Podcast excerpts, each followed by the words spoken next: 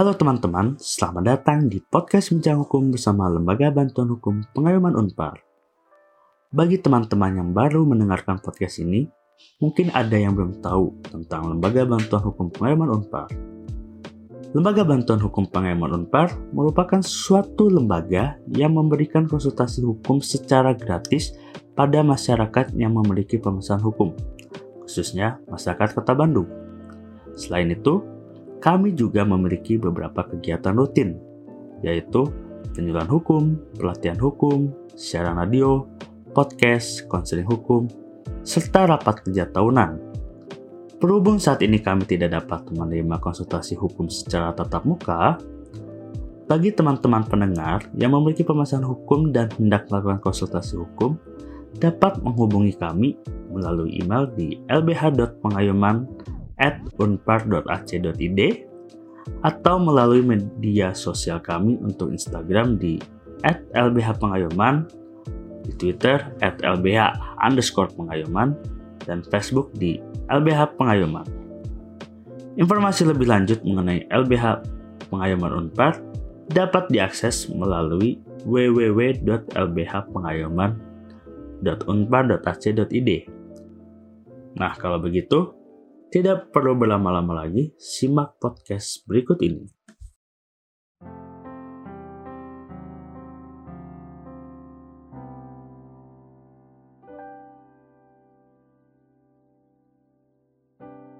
Halo para pendengar podcast, kembali lagi bersama saya Friska di podcast Bincang Hukum bersama LBH Pengayoman Unpar. Seperti biasa, hari ini saya tidak sendiri. Saya ditemani oleh salah satu rekan saya, yaitu Kak Thomas. Halo Kak Thomas. Halo Fris, apa kabar?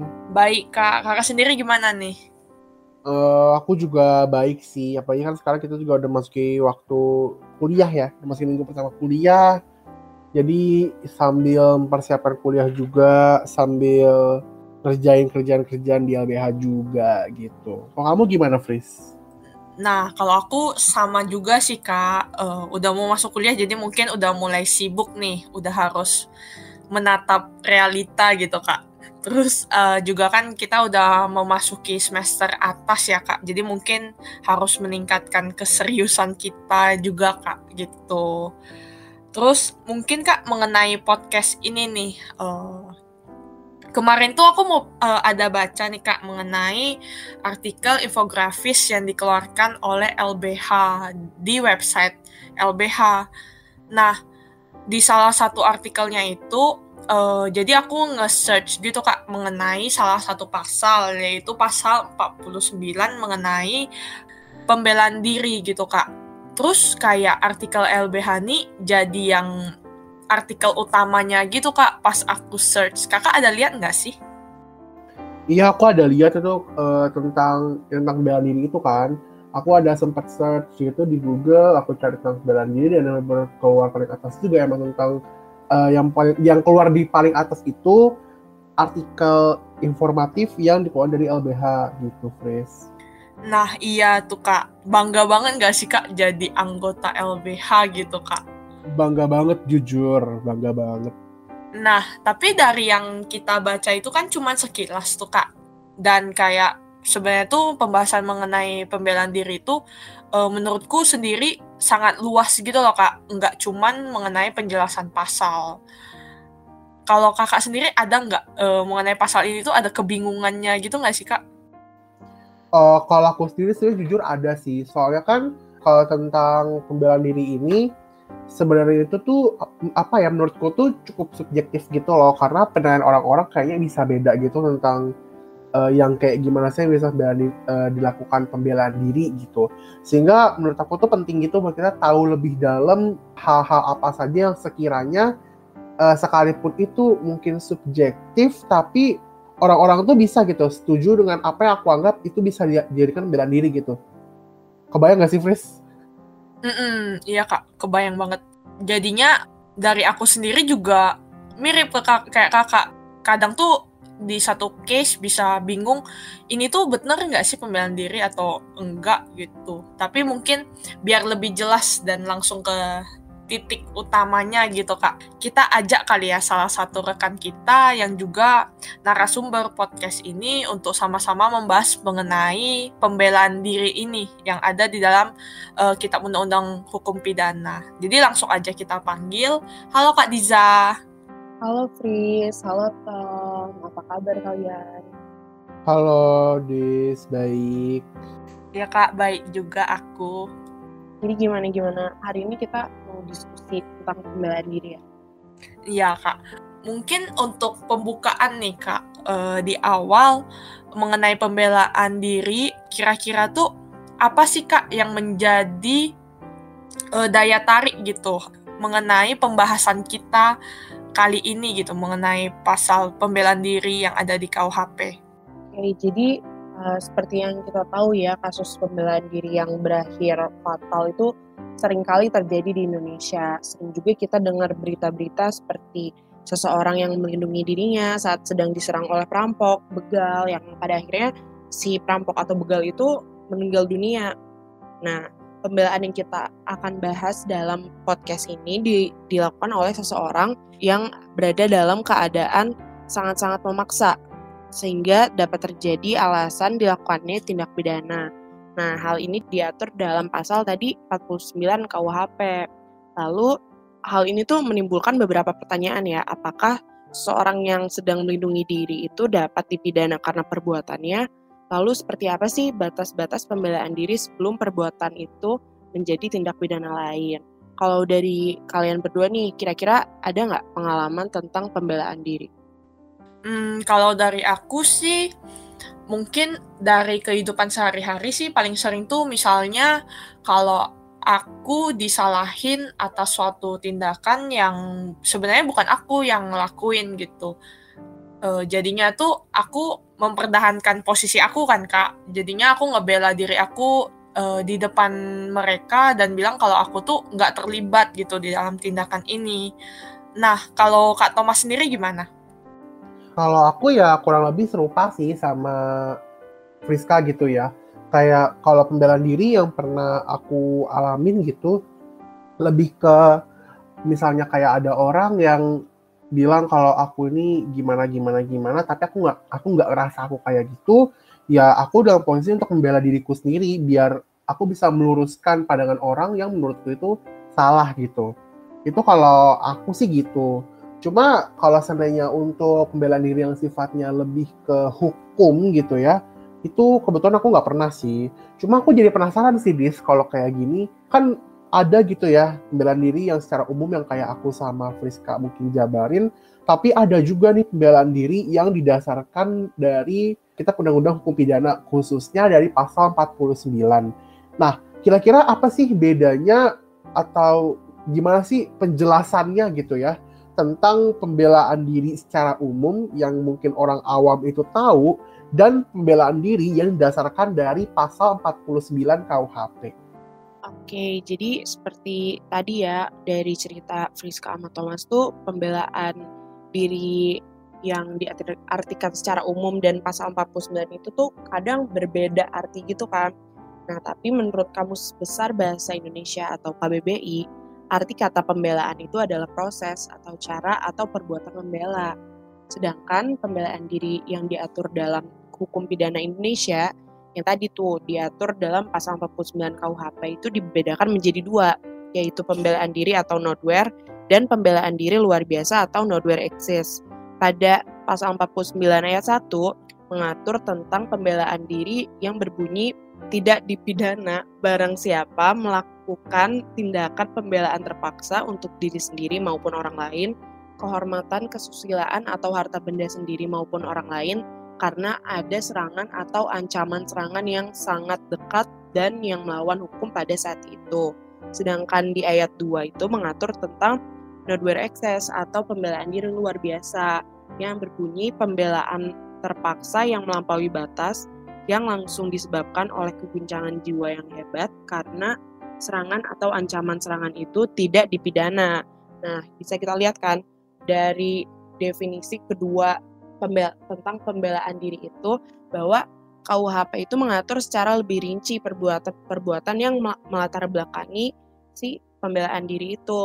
Nah, kalau misalnya kita highlight nih, ada beberapa juga unsur-unsur dari pembelaan diri yang diatur pada pasal 49, yaitu yang pertama, perbuatan yang dilakukan itu harus terpaksa, benar-benar terpaksa dan dilakukan untuk mempertahankan atau membela diri kita sendiri. Nah, pertahanan itu tuh harus benar-benar perlu, di mana nggak ada lagi jalan lain yang bisa kita lakukan nih selain melakukan si perbuatan itu. Di sini juga harus kita ingat bahwa harus ada keseimbangan tertentu antara pembelaan yang dilakukan dan serangannya. Yang kedua, pembelaan atau pertahanan itu harus dilakukan hanya terhadap kepentingan-kepentingan yang disebutkan pada pasal tadi tuh yang udah aku sebutin, yaitu badan, kehormatan, dan barang barang diri sendiri atau orang lain. Lalu yang yang ketiga itu harus ada serangan yang melawan hak dan mengancam dengan seketika itu juga. Jadi harus benar-benar pada pada ada serangan atau ancaman serangan itu baru kita baru boleh membela diri kita sendiri gitu sih. Um, Oh gitu ya kak. Berarti di dalam pasal ini itu tuh lebih rinci ya kak. Apalagi juga karena udah masuk ke salah ke bentuk undang-undang, uh, jadinya tuh itu juga merupakan suatu perlindungan gitu ke suatu korban gitu. Kalau dari yang aku tangkap ya kak. Terus juga tadi itu aku ngedengar nih kak mengenai uh, kakak ada sebut mengenai pembelaan diri atau notwear sama juga ada pembelaan diri luar biasa atau notwear access yang ada di pasal 49 KUHP ini Kak. Nah, dari kedua istilah ini Kak, uh, apa sih perbedaannya uh, dan kayak titik utama gitu yang membedakan kedua hal ini Kak? Oke, jadi pada dasarnya itu pembelaan diri antara nodware dan nodware access itu dasarnya itu unsur-unsurnya mirip dan sama ya. Ada pembelaan diri yang disebut pada uh, ayat 1 uh, hal ini tuh pembelaan yang dilakukan harus seimbang dengan serangan yang didapatkan. Nah, seperti halnya dengan yang tadi itu, pembelaan diri luar biasa harus ada serangan dan ancaman yang membahayakan pada saat itu juga. Tapi di sini batas-batas keperluan pembelaan itu dilampaui. Nah, hal yang membedakan kedua pembelaan ini tuh adanya goncangan jiwa yang sangat hebat pada pembelaan diri luar biasa. Sebenarnya goncangan jiwa yang sangat hebat tuh apa sih? Nah, di hukum positif Indonesia yang kalau misalnya kita mengacu pada pasal 29 KUHP dan Undang-Undang Nomor 14 Tahun 2014 tentang kesehatan jiwa tidak ditemukan pengertian secara jelas tentang makna kegoncangan jiwa yang hebat itu sendiri. Berdas tapi kalau misalnya kita uh, tafsir nih ya uh, berdasarkan penafsiran gramatikal, kegoncangan jiwa yang hebat adalah suatu keadaan batin atau jiwa seseorang yang tidak tetap dalam artian menimbulkan suatu goncangan yang menyebabkan perasaan gelisah, perasaan takut, perasaan tidak aman, perasaan cemas yang dirasakan secara teramat sangat yang benar-benar dahsyat banget gitu yang berakibatkan terganggunya keadaan jiwa atau batin seseorang. Nah, si hal-hal tersebutlah yang menyebabkan batas-batas keperluan pembelaan itu tuh dilampaui.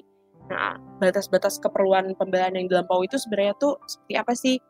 Nah, batasnya itu dilampaui apabila setelah pembelaan yang sebenarnya itu udah selesai, orang tersebut masih tetap menyerang si penyerang itu walaupun serangannya itu sebenarnya udah berhenti. Nah, ada perbedaan yang kedua ada pada uh, perang jawabannya pada pembelaan terpaksa yang melampaui batas atau access ini. Perbuatan membela diri melampaui batas itu tetap melawan hukum, tetapi orangnya tidak dipidana karena guncangan jiwa yang hebat tadi itu yang udah aku jelasin. Nah, maka dari itu pembelaan terpaksa yang melampaui batas menjadi dasar alasan pemaaf. Sedangkan pembelaan terpaksa atau notware yang tadi tuh ayat 1 itu merupakan dasar pembenar karena sifat melawan hukumnya itu jadi tidak ada. Itu per perbedaannya sih. Hmm, Oke, okay. berarti tampak kalau seandainya ada perbedaan gitu ya antara notwear dan notwear access dan intinya adalah notwear access tuh lebih kompleks daripada notwear gitu kan. Nah, cuma kalau seandainya aku personally masih agak penasaran sih di tentang notwear access gitu kan. Sebenarnya tuh gimana ya rumusan pertanggungjawaban pidana dari seseorang yang melakukan notwear access itu gitu, Dis?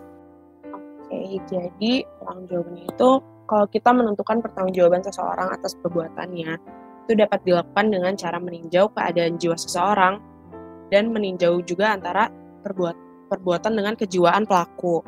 Pada pembelaan diri luar biasa ini atau sinoduar excess, tindakan yang dilakukan melampaui batas itu ya tadi disebabkan oleh guncangan jiwa yang hebat. Nah, tindakan tersebut itu tetap dianggap melawan hukum, tapi tidak dijatuhi pidana karena ya jiwanya itu yang tergoncang dengan dahsyat banget itu yang menjadi alasan menghapuskan kesalahan si pelakunya itu. Jadi tidak dapat dipidana karena dianggap tidak ada kesalahan. Maka dari itu pembelaan terpaksa yang melampaui batas itu tadi seperti yang aku bilang menjadi dasar alasan pemaaf yang menghapuskan kesalahan si orang tersebut. Gitu Tom. Nah, Kak, uh, jadi dari yang Kakak jelasin tadi, mungkin aku narik poinnya tuh mengenai uh, kalau misalnya pembuktiannya itu bisa dibilang menjadi suatu hal yang abstrak ya kak apalagi uh, juga definisi dari guncangan jiwa ini uh, ukuran-ukurannya tuh masih agak nggak jelas gitu kak. Jadi uh, masih bertimpa pada perspektif-perspektif misalnya kayak perspektifnya penegak penegak hukum gitu ya kak. Nah dari permasalahan ini kak terkait pasal 49 KUHP ini kira-kira uh, apa aja sih potensi permasalahan yang bisa timbul gitu kak di kemudian hari dengan adanya pasal ini gitu kak. Oke, sebelum aku jawab mungkin uh, aku pengen bahas tentang ada dua kasus nih ya, dua kasus uh, yang mirip-mirip. Kasus pertama itu kasusnya ZL di tahun 2019. Nah, ZL ini tuh seorang pelajar berumur 17 tahun yang terbukti melakukan penganiayaan yang menyebabkan korbannya meninggal. Nah, si ZL ini waktu malam-malam dengan kekasihnya menggunakan sepeda motor yang melintas di sekitar ladang tebu yang sepi. Kemudian dia itu tiba-tiba dihadang sama empat begal yang merampas barang-barang berharga dan sepeda motornya. Nah, tidak cuma minta barang berharganya si ZL ini, begal-begal tersebut juga berniat untuk memperkosa si pacarnya si ZL karena tidak terima nih ya. ZL akhirnya mengambil pisau di jok motornya yang dia pakai waktu siang harinya untuk keperluan sekolah. Dan akhirnya terjadi baku hantam yang menyebabkan seorang begal bernama Misnan tewas. Nah, si ZL ini akhirnya difonis melanggar pasal 351 ayat 3 KUHP tentang penganiayaan dan dihukum dengan pembinaan selama satu tahun di Lembaga Kesejahteraan Sosial Anak. Nah, pembelaan diri dengan kasus yang mirip-mirip ini juga pernah terjadi di Bekasi pada tahun 2018. Pada kasus ini, Irfan yang berumur 19 tahun juga terlibat perkelahian dengan dua pembegal yang berupaya merebut telepon genggamnya miliknya dan temannya. Lalu di uh, begal-begal tersebut juga melukai Irfan dengan celurit. Namun pada akhirnya satu begal itu terluka parah dan meninggal dunia. Tapi berbeda nih outputnya dengan kasus ZL, kasus Irfan itu tuh bahkan tidak sampai diadili di pengadilan. Dia hanya sempat ditetapkan sebagai tersangka yang kemudian diklarifikasi oleh kepolisian hanya sebagai saksi. Tidak hanya itu, Irfan bahkan memperoleh penghargaan dari Kapol Restabes Bekasi karena tindakan bela dirinya yang dianggap itu menginspirasi. Nah, kalau misalnya kita lihat ya, dari dua kasus ini tuh sebenarnya mirip-mirip kan. Kasus pembelaan diri dua-duanya yang menyebabkan si pembegalnya itu meninggal dunia, tapi berakhir atau punya output uh, dengan penegakan hukum yang berbeda. Nah, dari kedua kasus ini kita bisa lihat nih uh, betapa pentingnya bahwa aparat penegak hukum itu harus dapat menerapkan asas proporsionalitas atau subsidiaritas kepada kasus-kasus pembelaan diri seperti kasusnya Z, ZL dan kasusnya Irfan ini sebagai parameter pembuktian nih apakah benar uh, peristiwa tersebut telah memenuhi unsur-unsur pembelaan diri yang diatur dalam pasal 49 tadi nih yang tadi kita udah ngomongin. Dan apakah memang terbukti adanya ancaman atau serangan tiba-tiba yang bikin benar-benar jiwa si orang-orang yang membela diri ini tergoncang. Dan kita juga harus melihat bagaimana nih konteks pembelaan diri tersebut.